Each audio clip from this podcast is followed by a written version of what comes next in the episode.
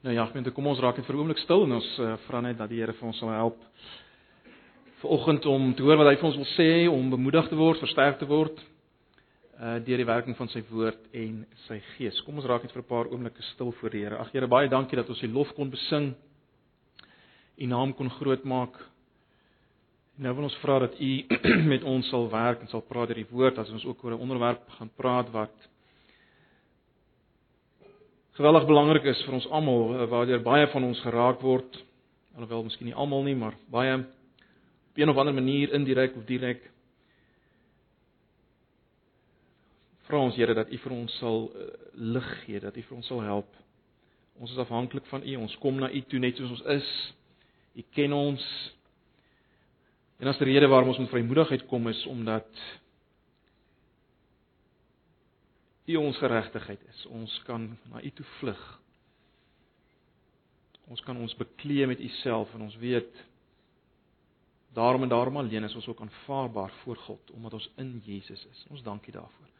Ons kom gee nou hierdie oggend vir U in Jesus se naam. Amen.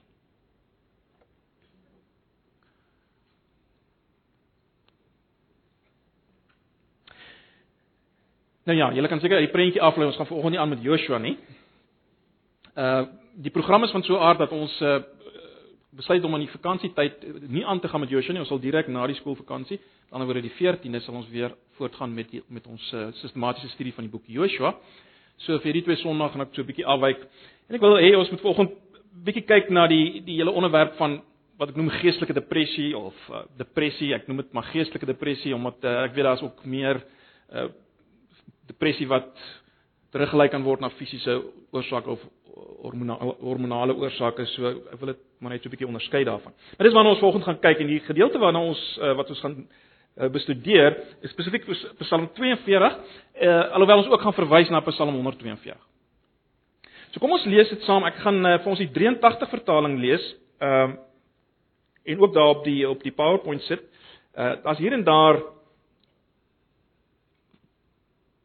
dinge wat ek gaan uitlig ook gedurende die preek en wat ek dink in hakies gesit het by die teks uh waar ons die 53 vertaling wel moet in ag neem as ons sekere dinge wil raak sien. Maar kom ons uh lees hierdie gedeelte. Psalm 42. Ek weet nou 'n bietjie klein is op die skerm nie, as dit 'n klein is dan moet jy maar in jou in jou Bybel volg as jy die 83 vertaling het. Psalm 42 vers 1 vir die koorleier gedig van die Koragiete soos 'n wildspok smag na waterstrome, so smag ek na U o God. Ek dors na God, na die lewende God. Wanneer kan ek gaan en voor God verskyn? Nou jy sal as jy die 53 vertaling het, sal jy sien die skrywer die die psalmis praat van wanneer sal ek voor die aangesig van God verskyn? Dag en nag is ek in trane want sonder ophou sê hulle vir my en waar is jou God nou? As ek my lewe voor my laat verbygaan, dink ek daaraan hoe ek opgetrek het aan die woonplek van God voor 'n skare uit na sy huis toe geloop het met gejuig en lofsang, 'n skare wat fees vier. Waarom is ek so in vertwyfeling en waarom kerm ek so? Vertrou op God, ja, ek sal weer vir hom 'n loflied sing. Hy is my helper en my God. Uit my vertwyfeling roep ek na U hier van die Jordaangebied, van Hermonberg, van die klein berg af waar die waters te mekaar raas en waterstrome bruis. U het golf na golf oor my laat slaan. Tog sal die Here weer op 'n dag sy trou laat blyk en ek sal selfs in die nag 'n lied vir hom sing, 'n gebed tot die God van my lewe. Ek wil vir God sê my rots, waarom het jy my vergeet? Waarom moet ek gebuk gaan onder die smaad van die vyand? Dit sny deur my hele wese as my teenstanders my spot en dag na dag vir my sê en waar is jou God nou? Vers 12: Waarom is ek so in vertwyfeling en waarom kerm ek so? Vertrou op God, ja, ek sal weer vir hom 'n lof lief, uh, loflied sing. Hy is my helper en my God. Ek het net daar 'n hakies ingesit die 53 vertaling want ek sal hom nog loof die verlossing van my aangesig en my God. So is 'n uh, is bietjie bietjie moeiliker taal, maar ek dink dit is tog is belangrik om uh, om net in gedagte te hou wat die wat die oorspronklik uh hoe die oorspronklik dit vertaal het. Nou broers en susters, uh as ons praat oor hierdie onderwerp van geestelike depressie, ek dink of laat ek dit so stel, ek dink nie ek is verkeerd as ek sê dat uh geestelike depressie of terneergedruktheid of net soos jy dit wil noem, dalk het jy 'n ander naam daarvoor, Uh hierdie toestand is een van die mees algemene belewinge van Christene en tog is dit iets waaroor ons huiwerig is om te praat en dit te erken. Dis 'n geweldige algemene belewing onder Christene. En dit was uh, nog altyd so gewees. As mens kyk na die kerkgeskiedenis, uh dan feitelik ek het nou maar 'n paar genoem, maar daar's meer van die groot figure in die kerkgeskiedenis wat geweldig gesukkel het met hierdie hele saak van depressie, geestelike depressie, teneergedruktheid, net soos jy dit wil beskryf. Iemand soos Martin Luther het geweldige worstel mee as jy sy werke gaan lees. Geweldig. En dan uh, ons ek, ek dink baie min van ons uh, uh, uh, weet dit dalk dat iemand soos John Bunyan, die bekende skrywer van Pilgrim's Progress, het geweldig gesukkel met depressie. En Charles Spurgeon, die groot baptiste prediker wat vir duisende mense gepreek het, hy het ontsaglik gesukkel daarmee. En waarskynlik die een van die, die bekendste een wat uh, geworstel het met uh, depressie is is is die die hymnwriter uh, William Cowper uh, wat uh, ook 'n hele paar keer probeer selfmoord pleeg het. Maar ongelooflike uh, liedere gesing uh, geskryf het. So daar's baie ander voorbeelde wat mens nog kon noem, maar uh, ook in die Bybel uh is dit natuurlik nie 'n onbekende saak. Mens dink aan Elia. Elia wat hierdie geweldige oorwinning die een oomblik behaal op Karmel. Teen teen die Baal profete. En die volgende oomblik sit hy onder 'n besembos en hy sê laat my maar liewer sterf. Mense sou selfs kon aandui dat mense dit by Paulus kry, eh, veral in 2 Korintiërs 1 vers 9 waar hy 'n uitspraak maak van ons het ons het reeds die doodsvonnis oor ons. Nou dit dit lyk of Paulus ook hier in 'n 'n 'n toestand van depressie was, maar goed, dit is miskien debatteerbaar. Maar dit is nie vreemd aan die Bybel nie. So dis nie ons kry dit die kerkgeskiedenis, ons kry dit in die Bybel. En en ek dink die die groot punt wat ons uh, volgende moet raak sien is dat uh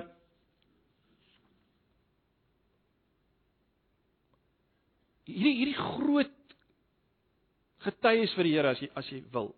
Hierdie hierdie uitstaande kinders van die Here in die geskiedenis as mens dit so kan stel, het gesukkel met hierdie met hierdie ding. Met hierdie toestand van depressie of geestelike depressie. En die punt wat ons volgende moet raak sien is as hulle gesukkel het, wie is jy om nie te sukkel nie, as ek dit so kan stel, né? Nee. Uh Met ander woorde, ons moenie volgende hier sit en dink as jy dalk dit nog nie beleef het nie, dat ek is uitgesluit daarvan, dit sal my nooit tref nie. Of as dit jou tref en jy sukkel daarmee, moenie vir jouself sê, "Wel, dit bewys seker dat ek nie 'n kind van die Here is nie." Of dat ek uh iewers uh 'n sonde in my lewe het of wat die geval mag wees nie. Uh dis nie so eenvoudig nie. Dis iets wat voorkom onder God se mense. En niemand van ons is verhef bo dit of uitgesluit. Nou daar's 'n paar kenmerke van uh, of 'n paar kenmerke wat mense kan uitlig as dit kom by die uh, hierdie depressie waarvan waarvan ek praat. En die eerste ding wat wat uh, duidelik is of duidelik word as mens as mens begin kyk na die toestand, is dat daar gewoonlik 'n uiterlike situasie, 'n omstandigheid is wat as te ware dien as 'n katalisator om hierdie hele ding aan die gang te sit. So daar gebeur iets. Daar's 'n uiterlike omstandigheid wat hierdie hele proses van depressie aan die gang sit. Daar's 'n katalisator. En dan is daar 'n paar algemene kenmerke. Daar's dit wels wat mens kan noem 'n sterk gevoel van verlies aan eie waarde, 'n sterk gevoel van verlies aan eie waarde. En en dit dit klink so. Wie is ek nou eintlik? Wat kan ek nou eintlik? As die mense net weet wie ek werklik is, wat sal hulle sê?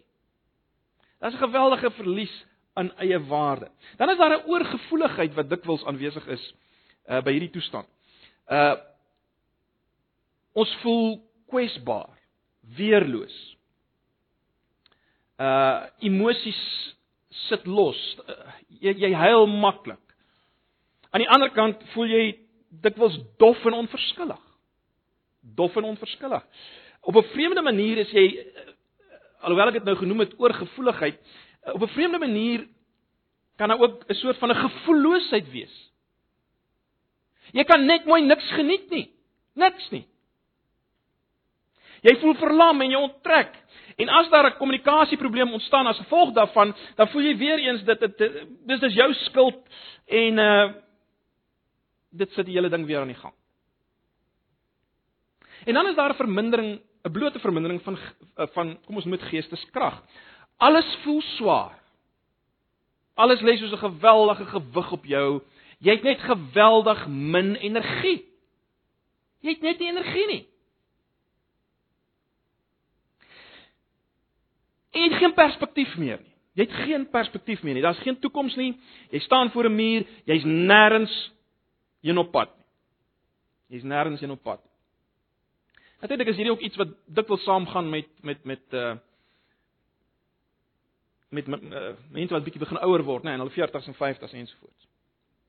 Maar goed, dis min of meer die die kenmerke van depressie. Verlies aan eie waarde, oorgevoeligheid, 'n vermindering van geesteskrag en geen perspektief nie. As mens dit uh kon saamvat, dan kan jy dit so stel. Dis 'n gevoel van ek is niks. Ek kan niks, ek voel niks. Ek het niks, ek wil niks en ek is ongelukkig met God. Dis 'n geweldige toestand, 'n geweldige realiteit. Nou wat ek vanoggend wil doen is om uh soos ek gesê te kyk na die psalms en spesifiek Psalm 42 en 142. Daar's ook ander psalms wat waarna mense sou kon kyk en dalk sal ons nog daarna kyk by 'n volgende geleentheid. Uh want hierdie dinge, die rede hoekom ons kyk na die psalms, hierdie dinge wat ek nou genoem het, is op 'n manier aanwesig in hierdie psalms. Nie presies so en in presies dieselfde volgorde natuurlik nie, maar op 'n op 'n manier is dit wat ek nou genoem het, hierdie kenmerke van depressie is aanwesig op 'n of ander manier in die psalms en die psalmis, met ander woorde die skrywer van die psalm, gaan op 'n sekere manier hiermee om. En en en dis waar dit die betekenis vir ons inkom wat ek glo dat die Here het natuurlik die psalmis dit laat opteken om sy kinders te bemoedig en te versterk wat deur sulke situasies gaan en deur hierdie toestand gaan. So die Psalme help ons om te sien hoe om om te gaan met hierdie probleem. Ons moet mooi verstaan hier's geen kits oplossing nie, né?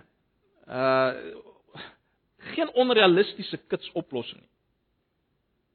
Maar ten minste kan ons in die Psalm sien, wel, ek kan identifiseer hiermee en dis hoe ek kan worstel en daar's hoop. Daar is die moontlikheid van progressie, van vooruitgang in hierdie hele aangeleentheid. So dis wat wat ons uh wat ons kry in die Psalm en ek vertrou dat die Here ons sal help om uh dit in die Psalm raak te sien. So kom ons kyk uh, eerstens na Psalm 42 meer spesifiek. En Die eerste ding wat mense hier sien is dat uiterlik was hierdie man in omstandighede wat geweldig neerdrukkend is. Ons sien dit in vers 4 en 11, né? Nee, in vers 4 sê hy dat sy vyande die hele dag gesê het, "Waar is jou God?" En en ook in vers 11, uh as jy kyk na vers 11, uh sê dit weer en dan sit hy nog nog iets by. Hy sê dit sny deur my hele wese as my teenstanders my spot en dag na dag vir my sê en waar is jou God nou? Met ander woorde, uh hierdie hierdie selfe toestand word amper beskryf as 'n dodelike wond in vers 11. Dit word beskryf as 'n dodelike wond in vers 11. Nou hierdie hierdie woorde, waar is jou God? Uh impliseer natuurlik. Die feit dat die ouens hom vra waar is jou God impliseer dat iets radikaal verkeerd gegaan het in sy lewe. Nie waar nie.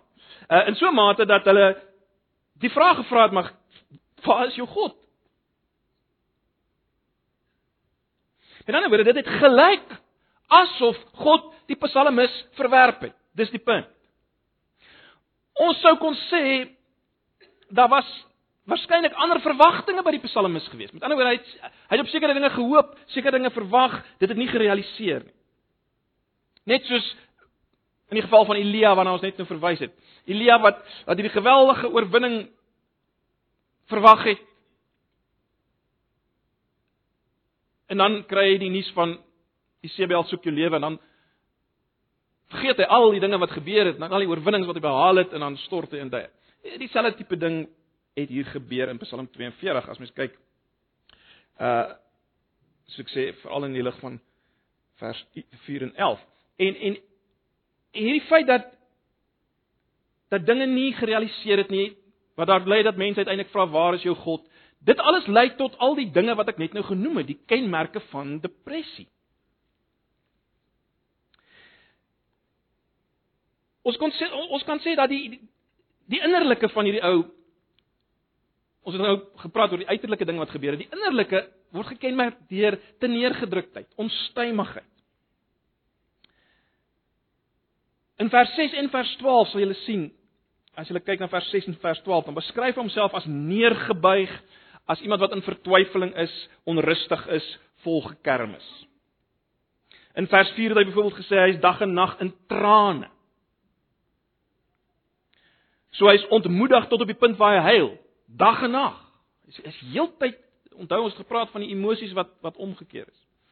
In vers 8 sê hy hy voel of hy verdrink. Hy sê u golf uh, u het golf na golf oor my laat slaan. Dis die dis die ehm um, uh 83 vertaling. U het golf na golf oor my laat slaan. So dis Psalm 42. So daar's 'n uiterlike katalisator wat lei tot hierdie innerlike toestand. As ons kyk na Psalm 142, ehm um, dan sien mens baie van dieselfde. In vers 8 van Psalm 142, as jy vinnig kyk as jy dit dit het by julle anders kan jy maar later daarna gaan kyk, maar in in vers 8 van Psalm 142 uh Nou as mens die die die geskiedenis ken, dan was hy waarskynlik op hierdie stadium in 'n spelonk geweest, maar hy beskryf dit as 'n gevang as 'n gevangenskap waarin hy homself bevind. Maar dit is baie duidelik dat dit dat dit ook dit is meer as 'n as 'n fisiese gevangenskap waarin hy homself bevind. Hy's ook geestelik en emosioneel as te ware in 'n gevangenskap. En dis wat hy hier op uh, poëtiese wyse in hierdie Psalm wil sê. Luister net 'n bietjie ook na vers 4 en 5 in die 83 vertaling. Ehm um, Ek het alle moed verloor. U weet wat ek moes deurmaak. Op die pad waar ek loop, het hulle vir my 'n struik gesel. Ek soek hulp, maar niemand wil my help nie. Daar's vir my geen vlugkans kans nie en niemand gee vir my om nie.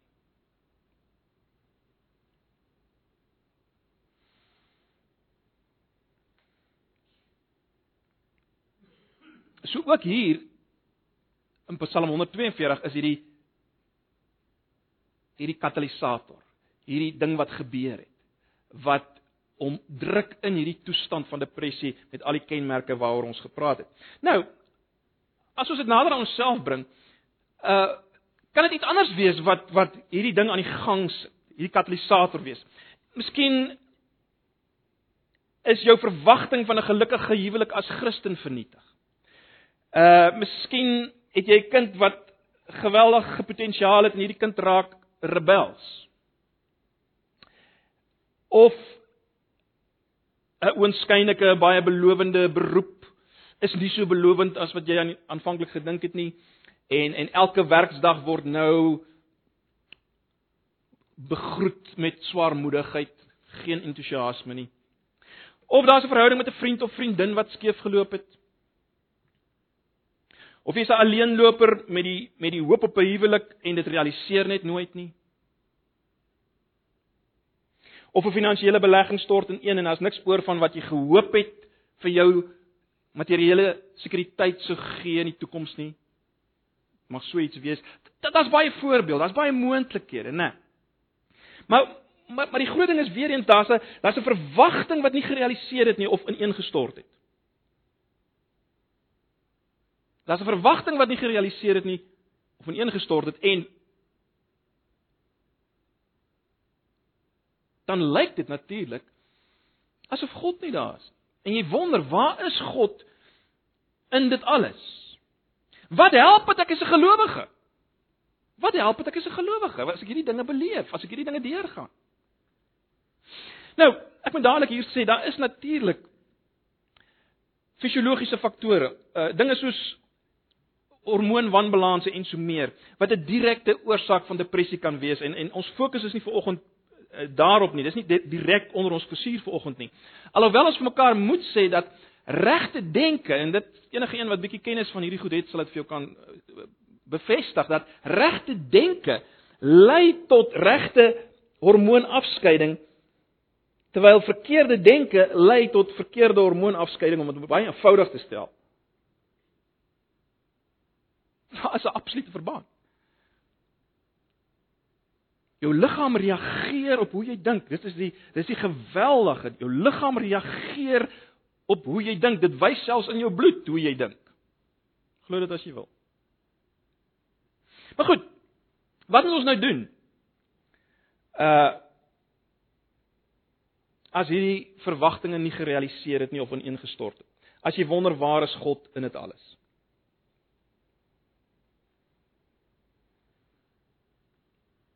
En ek glo tog dat Psalm 42 en Psalm 142 kan ons help. Selfs al sou onthou ek nou gesê daar's 'n verband tussen hoe jy dink en uiteindelik hoe jy voel ook.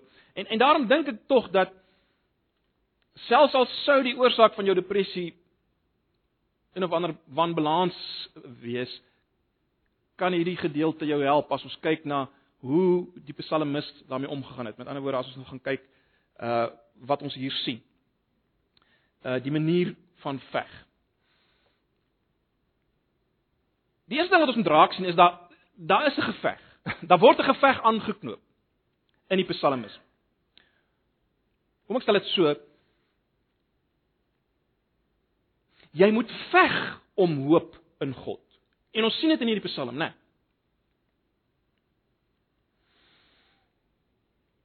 Vers 6: Waarom is ek so in vertwyfeling en waarom kerm ek so? Vertrou op God. Ja, ek sal weer vir hom 'n loflied sing. Hy is my helper. Vers 12: Waarom is ek so in vertwyfeling en waarom kerm ek so? Vertrou op God. Ja, ek sal hom weer, ek sal weer vir hom 'n loflied sing. Hy is my helper en my God. Met ander woorde, wat ons moet raak sien hier is is dat die die psalmis gee nie oor aan hierdie emosie van vertwyfeling nie. Hy veg terug. Alraai. So daar's die daar's die ding wat gebeur het.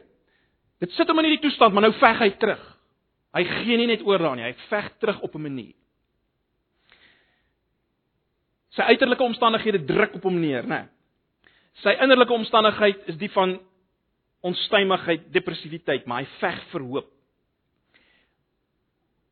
Baie interessant aan die einde van die Psalm. Ehm uh, veg hy nog steeds, hy's nog nie baie wil wees nie. Die laaste woorde van van Psalm 42 en die laaste woorde van van die volgende Psalm, Psalm 43 is is waarom is ek so in vertwyfeling en waarom kerm ek so? Vertrou op God. Ja, ek sal weer vir hom 'n loflied sing. Hy is my helper en my God, dieselfde woorde. So, met ander woorde, die Psalmis los ons as te ware waar hy nog steeds besig is om te veg vir hierdie belewing van hoop en vryheid van hierdie onstuimigheid. Hy's nog nie besig om 'n loflied te sing soos hy dit graag sou wou sing nie. Maar ek gaan tog probeer om vir julle aan te dui en en mense mense gaan dit veral raak sien in die in die 53 vertaling dat daar wel daar's wel 'n progressie. Dis nie so duidelik in die 83 vertaling nie. Ehm um, maar dis die rede hoekom ek seker goed in hakies gesit het. Daar's wel 'n progressie. Ja, hy's hy's nie totaal bevry van hierdie toestand van depressie. Nou is hy absolute oorwinnende. Nee. Maar daar is progressie. So, in eerste plek dan moet 'n geveg aangeknoop word. Maar nou is die vraag natuurlik, hoe veg ek? En ek dink tog daar's 'n hele paar dinge wat hier uitgelig word. Nou ek ek plaas hierdie dinge in 'n sekere volgorde. Dit dis die volgorde waarin dit kon plaasvind het, maar dis nie noodwendig so nie. Ehm uh, mens sou die volgorde kon kon skuif en daar's 'n oorvleeling en herhaling ensovoorts. Dis maar net om dit vir ons as te ware maklik te maak, plaas ek dit in 'n in 'n volgorde van hoe het hy nou hierdie geveg geveg. En eerste ding is hy vra vir God hoekom. Hy kla by God. Dit is baie duidelik.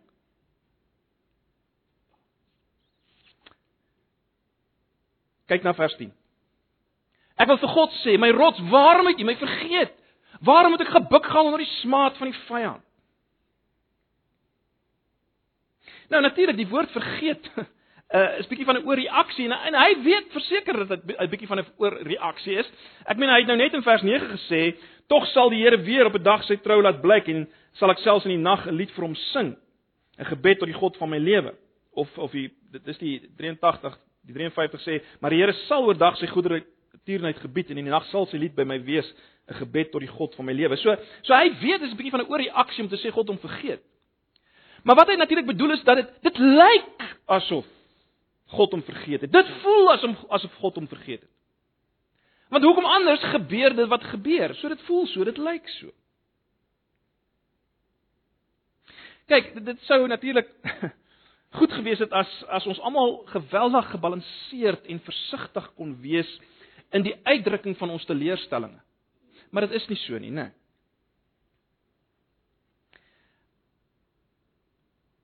Dis nie sodat ons as ons teleurgesteld het niks skeef sê nie en en perfek teologies korrekte uitsprake maak. Dit werk nie so nie.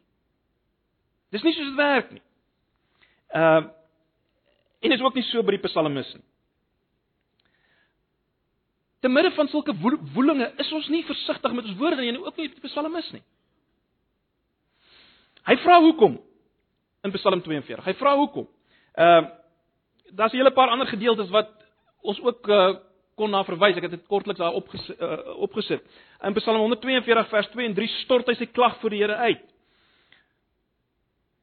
In vers 3 sê hy van uh, Psalm ekskuus in, in Psalm 43 vers 2 sê hy net U is my skuilings, my God, waarom verstoot U my dan? Hy vra vir God, waarom verstoot jy my? In Psalm 77 vers 8 en 10 sê sê hy dat sê sal die Here vir altyd verstoot en nooit weer genade betoon nie. Het daar vir altyd 'n einde gekom aan sy trou? Geld se beloftes aan glad nie meer nie. Het God vergeet om medelee te hê? Het hy in sy toorn sy ontferming onttrek? Hy sê dit vir God. Hy dink dit. En ook in Psalm 44 vers 24. Kom ons te hulp. Waarom slaap u, Here? Word tog wakker. Moet ons nie vir altyd verstoot nie. Nou, ek Ek is seker julle voel dit aan. Dis nie regtig seker die regte manier om oor God te praat nie, né? Nee, dis 'n bietjie vleeslik as ek dit so kan sê. Maar dis wat dit is. En dis hoe mense dit beleef. En en en die geweldige is dat God verdra dat mense met hom so praat in tye van depressie. Hy weet wat ons is. Hy weet ons is net stof. Hy verdra dit in sy genade. Dis al klaar 'n stuk genade. Dis klaar 'n stuk genade dat hy toelaat dat ons so praat. God laat toe dat ons worstel met wat ons beleef as die afwesige God. Hy laat toe dat ons worstel met wat ons beleef as die afwesige God in die proses om sy aanwesigheid weer te beleef. God laat dit toe. So dis die eerste ding. Hy vra hoekom hy kla by God. Maar dan 'n baie belangrike tweede ding, hy preek vir sy eie siel. Of as jy wil vir homself. Kyk net weer na vers 6. Waarom is ek so in vertwyfeling en waarom kerm ek so? Vertrou op God, ja, ek sal weer vir hom 'n loflied sing, hy is my helper. Dit is ontsaglik belangrik in ons geveg van geloof om te leer om die waarheid vir onsself te preek. Ek weet nie of julle al agtergekom het nie, die die meeste ongelukkigheid in ons lewe word veroorsaak deur die feit dat ons luister na onsself en dat ons nie praat met onsself nie. Ek sê dit weer. Die meeste ongelukkigheid in ons lewens word veroorsaak deur die feit dat ons luister na onsself in plaas daarvan om vir onsself te preek of te praat met onsself. Vat nou byvoorbeeld gedagtes. Gedagtes wat net eenvoudig in jou kop opkom as jy die oggend opstaan. Jy het hulle jy het nie daai gedagtes laat ontstaan nie. Hulle is net daar en hulle praat met jou en hulle haal vir jou al die probleme aan van wat gebeur het en hulle sê vir jou wat gaan gebeur.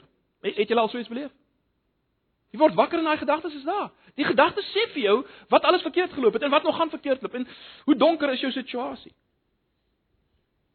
So iemand praat met jou. Wie praat met jou? Wel jouself praat met jou. So wat doen hierdie man in Psalm 42. In steede daarvan dat hy toelaat dat sy self met hom praat, begin hy met homself praat. hy begin praat met sy siel, met sy binneste jy wat hom depressief gemaak het en teneergedruk gemaak het. By wyse van spreuke kan jy sê hy staan op en hy sê: "Self, luister jy nou vir 'n oomblik en ek sal met jou praat." Dis wat hy doen. En broers en susters, dis wat ons moet doen. Ons moet dit vir onsself sê. Moenie net dat jouself met jou praat by wyse van spreuke nie. Praat met jouself en sê luister self, nou luister jy na my. En ons is natuurlik 'n bietjie in 'n ander posisie as die psalmdigter. Ons leef na die kruis en die opstanding. Ons is ons is in 'n nog beter posisie as die psalmis. Ons het nog meer grond vir hoop. Dit wat God in Jesus vir ons gewys het en gedoen het, dis meer as wat die psalmis gehad het. Luister net vir 'n oomblik weer na Romeine 8 vanaf vers 32 en ek het ek het dit nie op die op die op die op die op die uh, PowerPoint gesit nie. Ek wil hê julle moet net luister daarna. As God vir jou is, wie kan teen jou wees? Romeine 8 vers 32. Hy het sy eie seun nie gespaar nie, maar hom oorgelewer om om jou te red. Sal hy jou dan nie al die ander dinge saam met hom uit genade skenk nie? Wie kan die uitverkorenes van God aankla? God self spreek hulle vry. Wie kan ons veroordeel? Christus Jesus het gesterf, maar meer as dit, hy is uit die dood opgewek. Hy sit aan die regterhand van God. Hy pleit vir ons. Wie kan ons van die liefde van Christus skei? Lyding of benoudheid of vervolging, honger of naaktheid, gevaar of swaard? Daar staan immers geskrywe dis oor u dat die dood ons dag vir dag bedreig dat ons so slagskape behandel word, maar in al hierdie dinge is ons meer as oorwinnaars deur hom wat vir ons liefhet. Hiervan is ek oortuig, geen dood of lewe of engele of magte of teenswoordige of toekomstige dinge of kragte of hoogte of diepte of enigiets anders in die skepping kan ons van die liefde van God skei nie, die liefde wat daar is in Christus Jesus ons Here. Sê dit vir jouself. Preek dit vir jouself. Preek dit vir jouself. Preek die evangelie vir jouself. En herhaal dit. Eh, is interessant eh, in die Psalm word dit herhaal in vers 6 en vers 12 en dan weer in vers 5 van die volgende Psalm Psalm 43 herhaal hy hierdie hierdie feit dat hy met homself praat. Waarom is jy so in vertwyfeling? En dan gee jy die feite.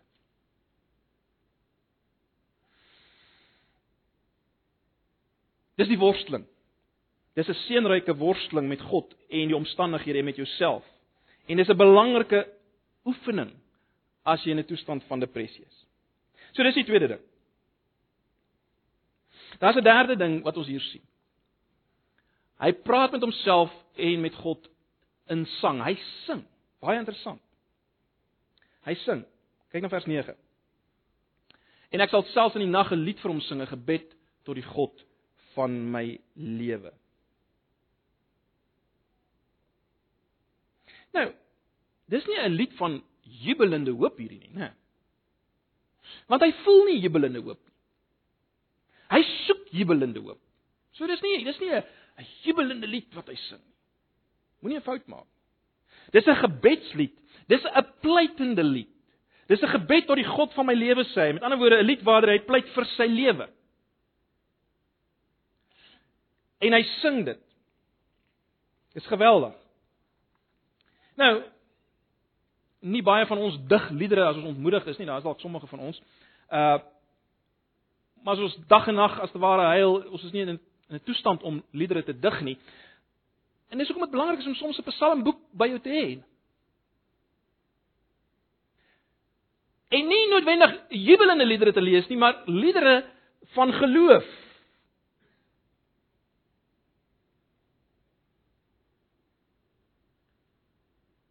En saam te dink en te voel met wat die wat die psalmis alreeds geskryf het. Maar goed, so dis dis dis 'n belangrike derde ding. 'n Vierde manier om te hierdie geveg om hoop te veg is om perspektief te kry. Dis wat ons sien hier in Psalm, hy kry perspektief. En hy kry hierdie perspektief deur 'n paar dinge. Eerstens deur die belydenis van God se soewereiniteit, sy dade, sy deugde. In vers 9 sien ons sê hy tog sal die Here weer op 'n dag sy trou laat blyk en sal ek selfs in die nag 'n lied vir hom sing, 'n gebed tot die God van my lewe. En dan in vers 6 en 12 noem hy God sy helper en, en sy God. Maar baie belangrik wat ons moet raak sien, selfs as dit lyk asof God hom vergeet het.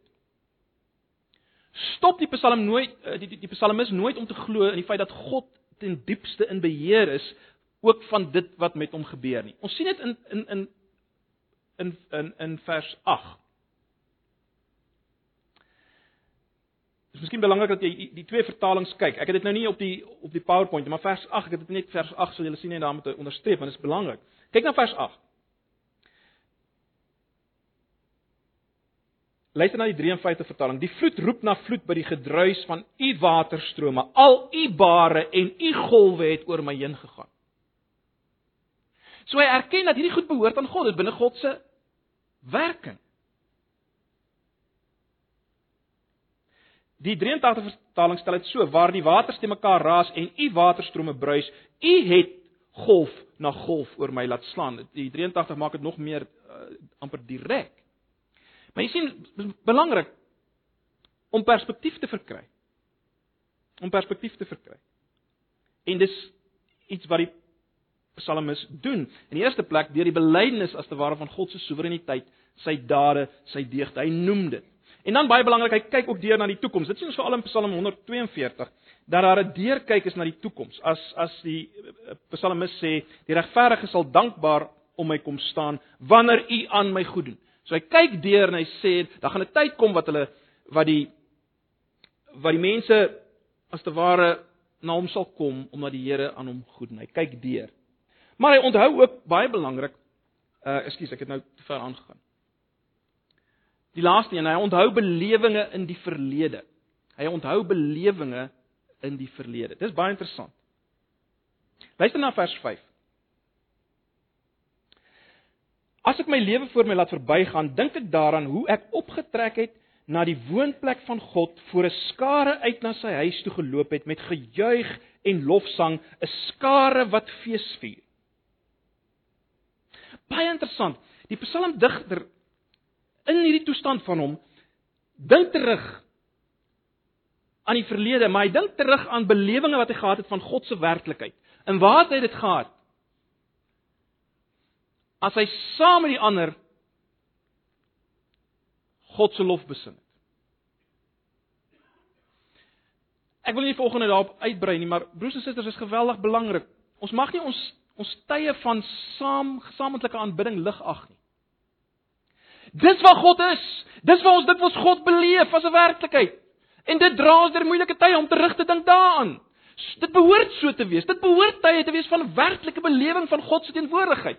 Dis nie 'n oefening wat jy hande in die sakke kan staan en net kyk en hoop dit gaan verby nie. Psalmis dink terug aan die belewing van waar hy God beleef het as 'n werklikheid. Om hom vastigheid te gee in 'n tyd wat hy wonder of God 'n werklikheid is. En waaraan dink hy? Hy dink aan die gesamentlike aanbidding van God. So dit is baie belangrik. Hy onthou hierdie belewing in die verlede. Ons moet versigtig wees om belewing nie te te min te maak nie. Belewing is geweldig belangrik. Sonder belewing is daar niks. Dit is nie net 'n rasionele ding nie. Dit moet ook hand aan hand gaan met belewing. En dis waarna hy terugdink. Hy dink hoe werklik was God in die gesamentlike aanbidding. En dit bring ons by 'n volgende ding wat hy doen. Hy dors na God. Hy dors na God. Vers 2 en 3: Soos 'n wildspok smag na waterstrome, so smag ek na U, o God. Ek dors na God, na die lewende God. Wanneer kan ek gaan en voor God verskyn? Dis die 83 vertaling, die 53 sê wanneer kan ek voor sy aangesig verskyn? Nou, dis belangrik om hier raak te sien. En dis wat dis dis wat dit so geweldig so geweldig maak, so pragtig maak, dit wat ons hier sien. Die psalmis dors nie net na die verligting van sy bedreigende omstandighede nie. Met ander woorde, ek dors na 'n tyd wanneer dit nie meer so swaar sal gaan nie. Dis nie wat hy sê nie.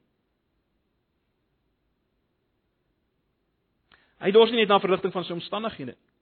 Hy dors nie na ontvlugting van sy vyande nie. Nou, dis nie verkeerd om verligting te kry daarvan nie. Dis nie verkeerd om daarvoor te bid nie. Maar daar's iets wat belangriker is. En die ding wat belangriker is, is God self. Wat ons dink van God en voel oor God is die belangrikste. Dit is belangriker as die verligtinge van jou tydelike probleem, die katalisator.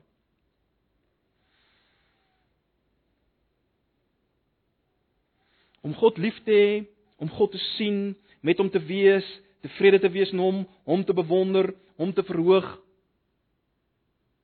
Dis waarna ons moet dors. Dis waarna ons begeerte moet wees. En dit lyk my tog of hier 'n progressie is.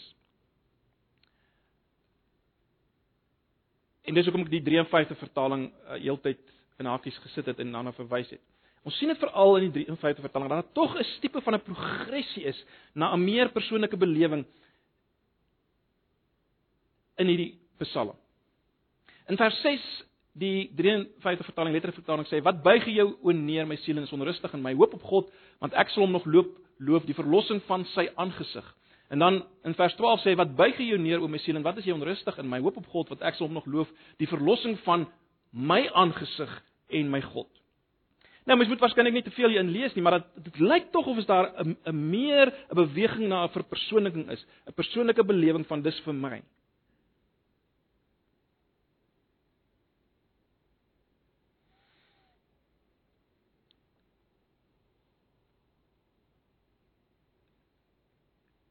Vers 3.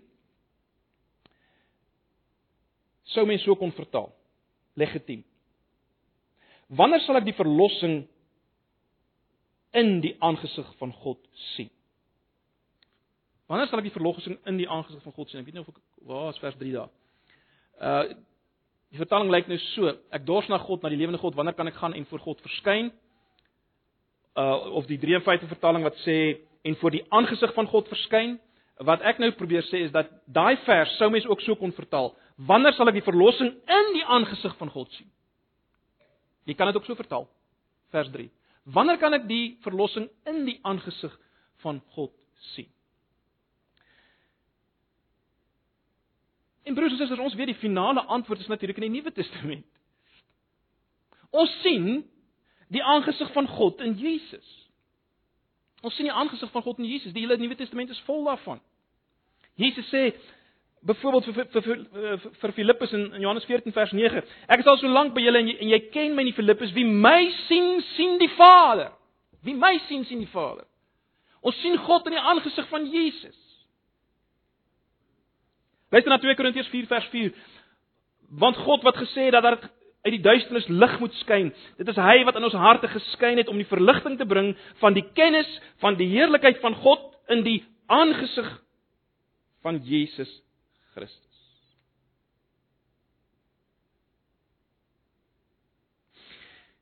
Jy sien om God werklik te sien is om hom te sien soos hy is in Jesus.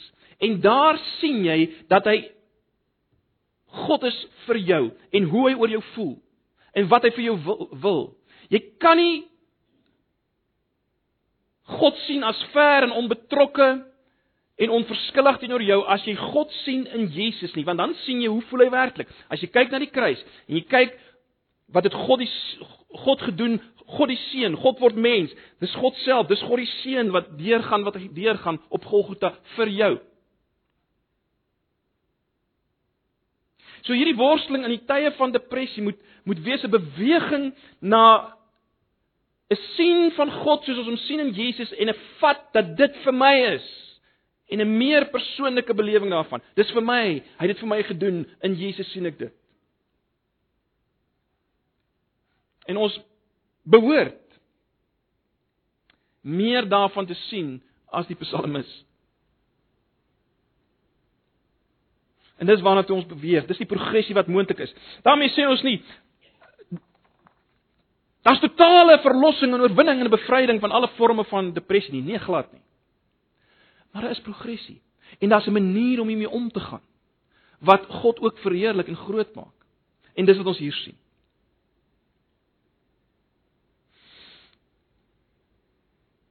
Kom ek stel dit so.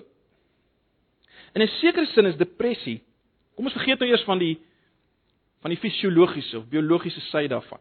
In 'n sekere sin is depressie 'n vorm van ongeloof, is dit nie? As jy mooi tot op die been gaan. Dis 'n vorm van ongeloof. En dan word jy glo nie dat God is wie hy is en spesifiek dit is vir jou nie. Dit dit sukkel jy om te vat. Dat dit is vir jou nie. Dit raak jou nie persoonlik. En dis wanneer ons moet beweeg. Maar jy sien dis 'n proses. Jy moet jouself aan die hand vat. Jy moet veg hiervoor. Jy moet perspektief kry. Al die dinge wat ons genoem het, dis 'n proses. Ag, en broers en susters, ehm uh, as ons kan begin reg dink oor God, let wel, dan skei ons liggaam ook die regte hormone af. Glo dit as jy wil. Jy word uitgelig uit jou toestand uit en jy kan te midde van jou swakheid die krag van God wys aan ander wat dit nodig het. Die krag van God soos gesien in Christus Jesus. En dis wat ons wil. Dis waarna ons wil beweeg. Ag, mag die Here ehm uh, hierdie paar gedeeltetjies gebruik om uh julle te help in hierdie proses tot sy eer en sy verheerliking. Kom ons bid saam. Ag Here, dankie vir u woord en dankie vir die bemoediging die leiding wat ons kry ook vir hierdie toestand waarin ons